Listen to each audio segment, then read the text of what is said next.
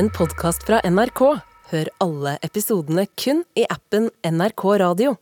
Lettjente penger, ja det sier vi ofte om kroner som er tjent på uærlig vis. Men eh, spørsmålet er hvor lettjente er egentlig de penga, og hvor nyttige er dem for deg når det kommer til stykket? Innsatte i norske fengsler lager radio. Du hører Røverradioen i NRK P2. Velkommen til Røverradioen. Her er Nina og Maiken fra studio på utsida. I denne sendinga skal vi prate om forskjellen på svarte og hvite penger, om det å forholde seg til en helt ny økonomisk virkelighet når man havner innafor murene. Dessuten skal vi snakke om at både regninger og gjeld er en kjempeutfordring for mange innsatte, og åssen man skal ta tak i en skakkjørt økonomi.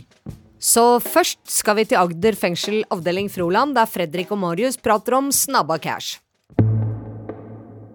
Ok, ok, du veit da. Rett fra Froland fengsel, da, Marius. I dag har jeg med meg Fredrik. Hva skjer, da?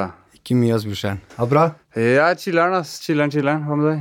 Ikke mye, ass. Det er eh, soner og ja, ta livet med ro. Eh, Hva er det vi skulle snakke om i dag, da? Vi kan jo snakke litt grann om vårt forhold til kroner ute, da. Du blei jo fengsla når du var 18, Ja.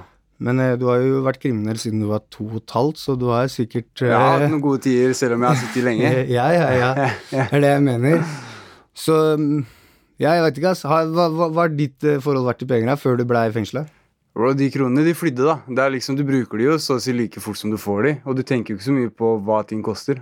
No, ja, noen ganger litt, kanskje bruker du før du får de. Det også. Så, eh, men det er jo sånn, ikke sant. Dette her, vi veit jo det, eh, vi som på en måte har holdt på. Jeg har jo holdt på i 100 år.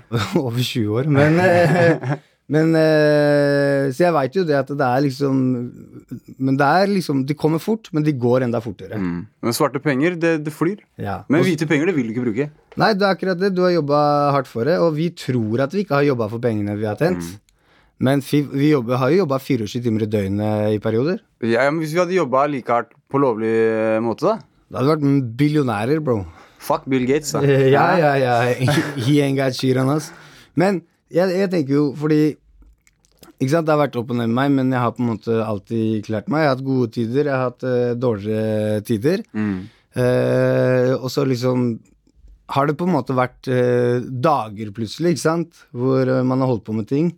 Og til politiet som hører på, disse sakene er foreldre av det jeg snakker om nå, så det er ikke lyst til å prøve å dra, det opp engang. Men eh, så har det vært liksom, så har det vært snakk om ok, på én dag så plutselig så satt jeg liksom med halv million i overskudd. eh, og liksom livet var herlig. Mm. Men da var det allikevel liksom eh, helga etter, da, så dro jeg ut og eh, bodde på Grims Grenka og liksom luksushotell i en uke, og så før jeg veit ordet av det, så har jeg brukt liksom 300 lapper, liksom. Ja, ja. Det snur fort. Det, det snur fort. Eh, så selv om man på en måte tenker ok, greit, det er mye kroner i det, ja, det er det. Men det er ikke tider, det er ikke hver dag. Jo, ikke bare det, men hva kan du bruke penger på? Jeg kan ikke gå i banken med en pose med fem millioner og si hei, jeg skal kjøpe et hus, liksom. Det, det funker sikkert eh, i, i noen land, men i Norge så blir det bedre med å ryke og reise.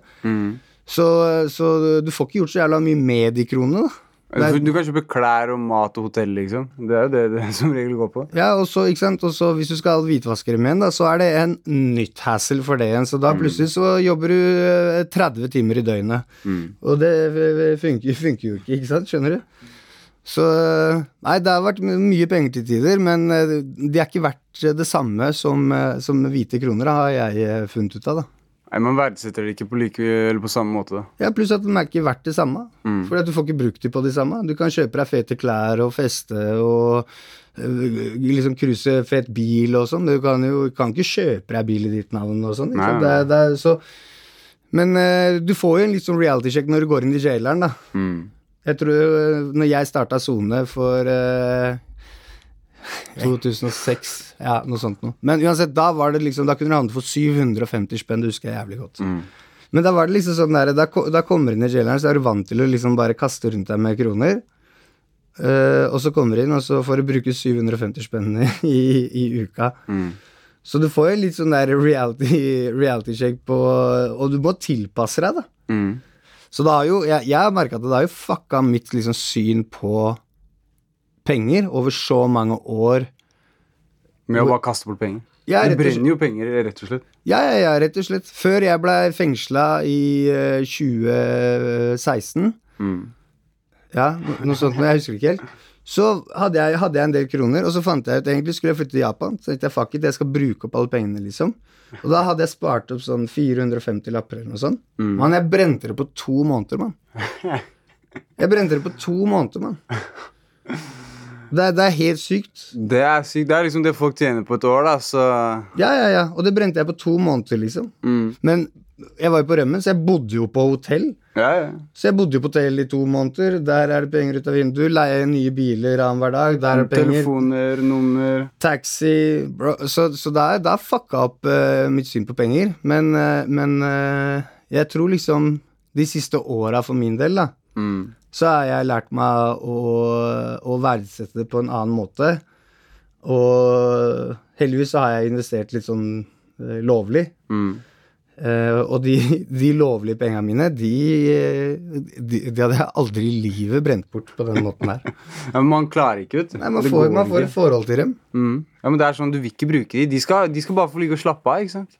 Nei, så For min del så tenker jeg at eh, Så tenker jeg at eh, man, blir, man, man blir fucka av det miljøet og easy come, easy go-pengene.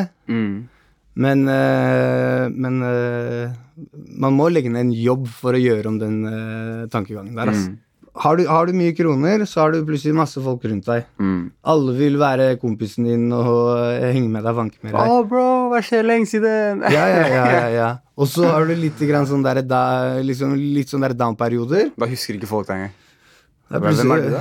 Ja, så, så, så man, man merker jo det også. Penger styrer jævlig mye i, i miljøet ute. Mm. Jeg vil si at det styrer nesten eh, 95% De siste 5% er de ektevennene du har. Ja. Penger i kriminelle miljøer, kriminelle svarte kroner. Easy come, easy go, og de eh, er ikke verdt så jævla mye. Mens lovlige lovlige hvite kroner Verdt alt. Og verds verdsettes 100 mm. Så til eh, dere der ute som jobber 94-type og uh, creds i dere, Ja, altså. supercreds. Det er det vi eh, egentlig jobber for, men vi ja. Så dere er forbildene våre. mm.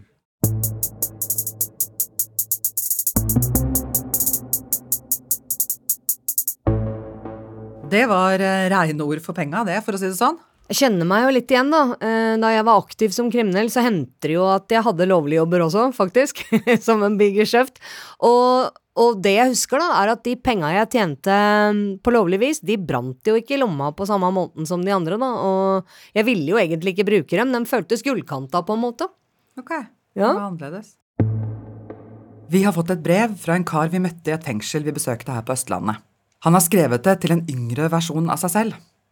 Han ville titte tilbake på overmotet, overforbruk og jaget etter penger som gjorde at han endte opp i fengsel. Det er et liv han ønsker å legge bak seg. Så istedenfor å bruke sitt ekte navn, har vi valgt å kalle ham Adam. Og vi har fått produsent i Røverradioen, Amund, til å lese det opp for oss. Halla, Adam. Du er født og oppvokst i verdens beste land, Norge. De sier i hvert fall så. Da du var liten, reiste du ofte bort to måneder i året. Og da du kom hjem, så du på livet her med et litt annet blikk. Du lærte å sette pris på mulighetene du hadde til å gå på skolen, maten du hadde på bordet hver eneste dag, de rene klærne du fikk til å ha på deg. Mens foreldrene dine vokste opp blant syv søsken, var du enebarn og fikk det stort sett som du ville. Stakkars snille mor, som gjorde alt for at sønnen skulle få det han ønsker, men mye ville ha mer. Det er flere grunner til at jeg skriver til deg fra her jeg er nå. Men ett sted starta det. For det holdt tydeligvis ikke for deg med de 30 kronene du fikk med deg på vei ut hjemmefra, ved siden av telefonen i gangen hver morgen. Det er morsomt å tenke tilbake på det, for akkurat nå kjennes det som at det var i går, da du og fetteren din hadde lagt det dere ville ha fra Coop i lommene og gikk mot kassa. Der ble dere stående, snakka høyt om at det var litt synd at butikkene ikke hadde varene i dag heller, før dere spaserer rolig og tilfredse ut derifra. Det var her mestringsfølelsen begynte, den gode følelsen av å slippe unna, dytte i seg de deilige sjokoladene og vite at dere hadde klart det. Etter hvert ble det en slags konkurranse mellom deg og vennene dine. Hvor mye fikk du med deg? Jeg fikk definitivt med mest. Da du var i klesbutikker og sportsbutikker med søskenbarna dine, så du hvor raskt de klarte å få med seg ting ut, som de kunne selge videre. De levde rett og slett helt gratis. Så hvorfor kunne ikke du gjøre det samme? Da du skulle begynne på VGS, søkte du deg til en skole som var litt finere enn alle vennene dine. Litt bevisst, men samtidig ville du egentlig fokusere litt mer på skole, og derfor ble det den skolen. Nå som jeg hadde begynt på VGS, så var det mindre tid til å henge med de jevnaldrende vennene dine, siden alle gikk på forskjellige skoler. Men da begynte jeg å henge oftere med de eldre gutta som hadde fått seg lappen og kjørte bil. Da var det lett å bare bli henta på skolen når det var slutt, og kjørte rundt for å stjele klær fra Carlings. Men nå var det ikke bare Carlings som fikk kjørt seg, men også Nordli. Jeg hadde hørt det riktig, Nordli solgte bøker til de forskjellige fagene vi hadde på VGS, og det var svindyrt å kjøpe bøker. Jeg skulle faen ikke bruke stipendet mitt på å kjøpe bøker, så da kjørte vi rundt til de forskjellige Nordli-butikkene og stjal disse VGS-bøkene dagen lang, og fylte opp bagasjerommet med alle bøkene vi visste VGS-elever trengte. Det passet perfekt for han gode kompisen min som var ferdig med VGS den tiden. Plutselig sto de utenfor skolen og solgte bøkene til halv pris. Det var faktisk helt utrolig hvor mange som kjøpte bøker fra de. Og ryktet gikk rundt til forskjellige skoler, og plutselig hadde vi tjent masse penger på å selge bøker. Bøker var jo det letteste å stjele. Ingen alarm på klærne, sånn som det var i de andre butikkene. Så dette ble en hobby for tre ukers tid. For å være helt ærlig er det nesten lagt opp til at man skal kunne klare å stjele greier i Norge. I alle fall eh, var det den gangen du var litt yngre. Du kunne kjøpe alarmfjernere på eBay, eh, og det var ikke alltid videoovervåkning i butikkene rundt omkring. Men det er alltid et men. For i begynnelsen av tenårene har du fått så mye mestringsfølelse at du føler deg untouchable. Og du våger å bevege deg videre fra sjokolade, brus og småting til å ville ta større risiko med større profitt. For å kunne gjøre det holder det ikke å stjele klær og selge de, men du må begynne å selge hasj eller andre ting som du kan tjene bedre på for å holde tritt med de eldre forbildene dine. Sett i ettertid skulle jeg fokusert på å få en utdanning, men for deg var det aldri noen motsetning mellom å ta utdanning og leve, eh, som det kalles, et fast life. Altså ikke et A4-liv, ikke 8 til 4, men gjerne 24-7. Et liv der man har råd til å bruke flust av penger hver dag, reise ofte, feste mye og rett og slett miste respekten for penger. Fordi du skjønner så tidlig at det er lett å skaffe seg raske penger, og har holdningen om at penger kommer og går, dag for dag, så får du aldri noe realistisk bilde av hva det krever å tjene de samme pengene på lovlig vis. Du har ikke akkurat noen bufferkonto, og helt ærlig skjønner du ikke hvordan folk klarer å leve på en norsk gjennomsnittslønn. Mens folk flest lever på norsk gjennomsnittslønn, så var det perioder på tre-fire måneder med konstant festing, og da mener jeg mandag til søndag. Der og da tenker man ikke på hvor mye penger man kaster bort, og når jeg sier mye penger, så mener jeg mye penger. Ikke en norsk gjennomsnittslønn. Slik holdt man på over store deler av året. Reising og festing, og ikke minst den dumme konkurransen på utestedene hvor det handlet om å legge flest flasker på bordet. Plutselig sitter man hjemme i Norge med litt dårligere råd enn man er vant til. For det skjer jo noen ganger. Da tenker man tilbake på tiden ut på byen med fest og konkurransen på utestedet. Skulle kanskje ikke gjort det likevel, men det var jo gøy der og da. Det var jævla kult å være den karen som spanderte på damene. Angrer han på forbruket sitt? Var det verdt det? Absolutt ikke. Og ikke nok med det, så sitter du plutselig i fengsel. Og uansett hvor gøy og hvor mye penger man hadde, så vil jeg nok eh, si at det ikke var verdt det med tanke på at man plutselig hadde mista friheten sin. Friheten kan du ikke betale for her i Norge. Jeg var en av de som trodde jeg aldri skulle havne i fengsel, fordi jeg var så forsiktig, så profesjonell, så varsom. Jeg håper du forstår at det er én ting jeg prøver å kommunisere når jeg nå skriver dette brevet til deg. Det hjelper ikke å ha disse pengene når du havner bak lås og slå. Det er ikke verdt det når du først blir tatt og vet at livet vil bli jævlig vanskelig når du kommer ut. Du vil se hvor vanskelig overgangen er for folk når de slipper ut fra fengsel, for du vet at det kanskje vil ta dem resten av livet for å nedbetale gjelda. Det hjelper ikke å ha disse pengene når moren din sitter på utsida og har søvnløse netter. For å si det sånn, slik jeg ser det, er det ikke jeg som soner når jeg er her inne, det er familien, kone og venner på utsida. Så selv om det var verdt det der og da, på de feteste utestedene, med de feteste bilene og all oppmerksomheten en kan ønske seg, så kan jeg love deg at når du sitter her og ser tilbake på det, så var det ikke verdt det for fem flate øre. Innsatte i norske fengsler lager radio. Du hører Røverradioen i NRK P2. Ja, nå er det jo ingen av oss to, Maiken, som sitter for eh, noen økonomiske greier, men akkurat eh, det at ingen penger i verden kan veie opp for det å miste friheten, det kan vi jo skrive under på, eller hva? Jepp. Ikke nok med at du mister friheten din, men sannsynligheten for å komme i skikkelig økonomisk skvis når du settes inn i fengsel, den er stor. Ja, selv for meg som har en relativt ryddig og grei økonomi, og visste om i god tid at jeg skulle inn og sone, så syns jeg det var utrolig overveldende å, å, få oversikt over alt det som måtte håndteres i, i, forkant. Det var litt sånn lammende. Og gutta i Oslo fengsel de prater om åssen det er, og om hva som er lurt å gjøre. Forestill deg du er da ute med gutta, bare chiller'n, voilà. og så plutselig en dag du har hitta jackpoten, men rett rundt hjørnet du blir fanga av Askar og blir takla. Hva okay. gjør du da? Eh, jeg tror ikke vi snakker samme språk. Du må forklare litt. Hva mener du egentlig? Altså bli tatt på fersken, eller eh, at du blir tatt litt senere i tid etter du har hittet en jackpot og havner i fengsel. Hva du, gjør man da? Ok, At du blir arrestert av politiet? Ja, rett og slett. Ok. Jeg heter Christian og sitter her i Oslo fengsel sammen med GJ og Stram. Og vi skal snakke litt om økonomi og fengsel. Yes. Ehm, ja, det er jo mange som kjenner seg igjen eh, situasjonen du nevnte i starten her. Ehm, fikk dere forberedt dere før dere gikk inn og sona, eller? For min del så rakk jeg å forberede meg. Jeg fikk da innkalling noen måneder før, så jeg hadde begynt å sette av penger allerede.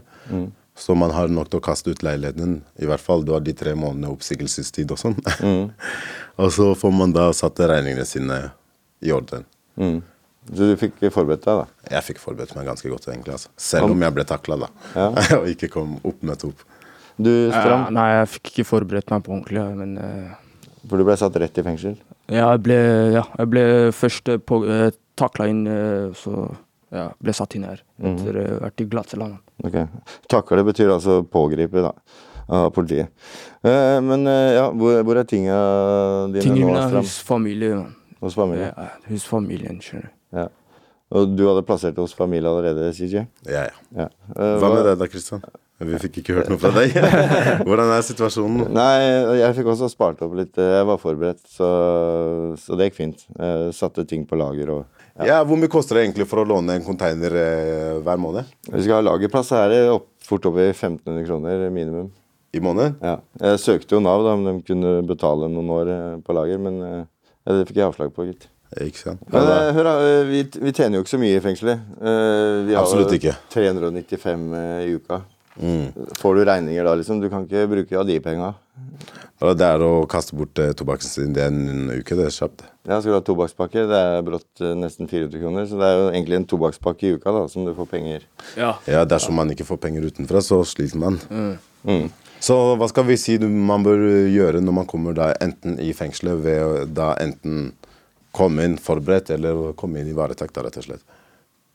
Hva syns dere er tipsene vi skal gi folk? Nei, Jeg tenker at du, Hvis du ikke har fått forberedt deg på å- sone, så må du jo i hvert fall få fryst regningene dine, da, så Ja. de ikke dobler seg mens du sitter. Så ringe Nav, ringe, ringe inn og avslutte abonnementene dine, kanskje? Det er lurt. Ja. sende til alle kreditorer og Men hva skal vi ta som forskjeller på både varetekt og eh, de som er forberedt? da? Nei, Hva slags tips skal vi gi de? Ja, På varetekt så kan du få dekket av Nav i hvert fall husleie og sånn i tre måneder. Men alt over det så Så avslutter den. får du bare beskjed om å flytte. Kanskje avslutte treningsabonnementer og telefonselskap og. Og kanskje få en liten oversikt over regningene sine.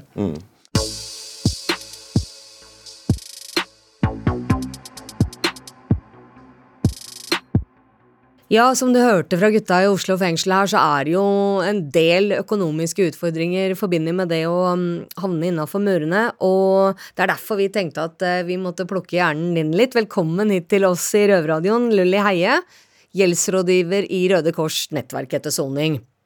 Tusen takk skal du ha. Dette er vi veldig opptatt av. Det å ha gjeld er en stor utfordring for alle, men når man i tillegg soner i fengsel, så blir utfordringen ekstra stor. Både fordi at man ehm, soner, så man trenger hjelp til å ta tak i gjelden. Man vet at den vokser mens man sitter der uten at man får gjort noe. Og så er det også den utfordringen at gjelden ofte representerer det livet du nå gjør, putter all din energi i å komme vekk fra. Sånn at når man, det er krevende å ta tak i den, og mer krevende enn det er for vanlige, vanlige folk, rett og slett. Ja, jeg ser den, men mange vil nok tenke det at eh, hvis du har begått en eller annen forferdelig forbrytelse, og noen har blitt veldig skadelidende, så er det jo bare rett og rimelig at du skal betale for eh, den skaden du har forårsaka.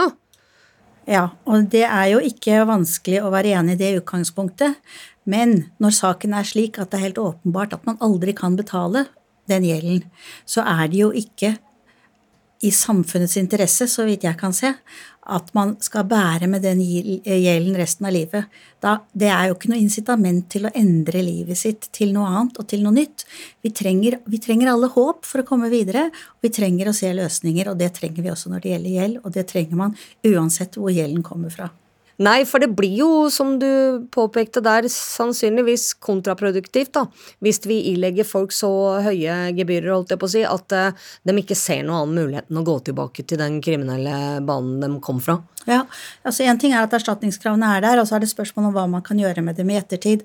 Og det fins jo løsninger, sånn som f.eks. en gjeldsordning, som er et system hvor man betaler så mye man kan over en viss periode, f.eks. ofte fem år, eller helt opp til ti år, faktisk.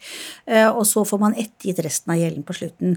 Det er jo et, eh, et godt system. Det er stentøft å gjennomføre og leve på et minimum i alle disse årene, men etterpå, hvis man vet at man får slettet resten av gjelden, så er det mulig å gjennomføre det.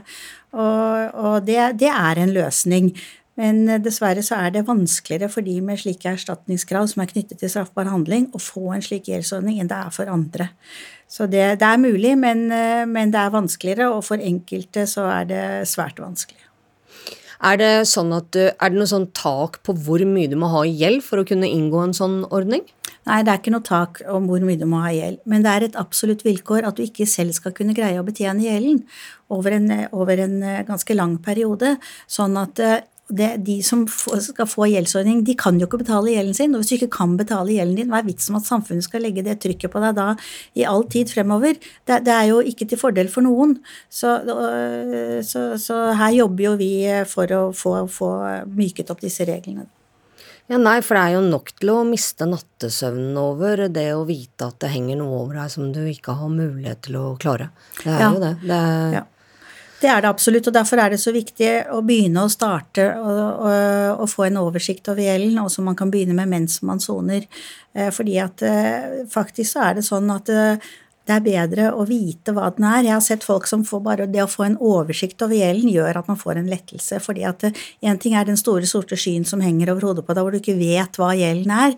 Men når du får det ned på, på, på et stykke papir, og du kan begynne å jobbe med det, så det, blir det faktisk en, en, en, lettelse. Så derfor så anbefaler vi alle å starte allerede mens man soner, med å få denne oversikten. Noen har det jo selvfølgelig, men man, veldig mange har det ikke. Man har kanskje hatt en vanskelig periode før man begynte å sone, hvor det har skjedd mange ting ting, og man har ikke helt oversikt. Så, så, så start så fort som mulig, og få prøv jobb med å få en oversikt over gjelda si. Og da kan man, vi har laget et verktøy som ligger på nettet, som ligger på en nettside som heter gjeldsarbeid.no. Gjeldsarbeid.no. Ja, gjeldsarbeid.no. Mm -hmm. Og det var opprinnelig et materiale til bruk inne mens man soner, i papir, men nå er det også på nett, så det er lett tilgjengelig. Da kan man få hjelp til å laste ned, laste ned det, og bruke det og den teknikken som ligger der, i å starte med denne jobben mens man soner. Det, det høres kjempefint ut, men det er litt vanskelig for dem som sitter Vi har jo ikke så mye nettilgang, da, men, men nå prater jo vi ut ifra Oslo her har, men, men gjeldsrådgivere fins rundt omkring i hele landet, eller, som kan hjelpe innsatte med disse problemene? Det fins jo gjeldsrådgivere i Nav, men de er ikke tilgjengelige for innsatte. Men det er Nettverk etter soning har gjeldsprosjekt eh, i tillegg til i Oslo, så har vi gjeldsprosjekt både i Bergen og Trondheim og Stavanger, som også kan eh, bidra mens man soner. Og så er jo også fengselsbetjentene noe de yngste har jeg selv forelest for før de fikk, mens de var på slutten av utdannelsen sin, sånn at de skal også kunne hjelpe. Så snakk med noen og kom i gang. 81% av de som soner, har, har gjeld. Det var en undersøkelse i 2014, og dette er noe som, som gjelder de aller, aller fleste. Så det, det, er greit å snakke om. Ja, det, det, er helt sikkert og visst. Og det er jo i hvert fall oppløftende å vite at det går an å komme i gang allerede mens man er under soning, sånn at eh, planen videre framover etter løslatelse blir litt klarere og litt tryggere og litt mer overkommelig. Så er det viktig å huske at de kreditorene de ønsker jo også løsninger, men de vet jo ingenting om deg som skylder penger hvis du ikke snakker med dem. Eh, så de er jo glad for å vite at du ikke glad for å vite at du soner, men glad for å, for å vite hvor du er, og at du har en plan, og at du har tatt kontakt med dem. Så sender du sånn som gutta sa tidligere i sendingen, sender du soningsbekreftelsen, så vil du få bero mens du soner. Og det som er fint, er at posten fungerer utmerket. Det er, går helt fint å skrive vanlig brev. Og på gjeldsarbeid.no ligger det maler dere kan bruke og fylle ut. Ja, der hører dere, folkens. Eh, men tusen takk for at eh, du eh, tok deg tid til å komme hit til oss, da. Tusen takk for at jeg fikk komme, og takk for den viktige jobben dere gjør, og for at dere setter dette på dagsorden. Det er noe vi må jobbe mer med og ha mer fokus på. Enig. Det hørtes ut som veldig gode og konkrete råd. Ja, det var det, men nå var det jo én type gjeld vi ikke prata om, da, nemlig ja. den svarte gjelda. Ah, og det tror jeg nesten må bli et helt eget program. Eh, det tror jeg òg. Sendinga er over for i dag, men vi er tilbake allerede fredag på nytt tidspunkt, nemlig 14.00 på NRK P2.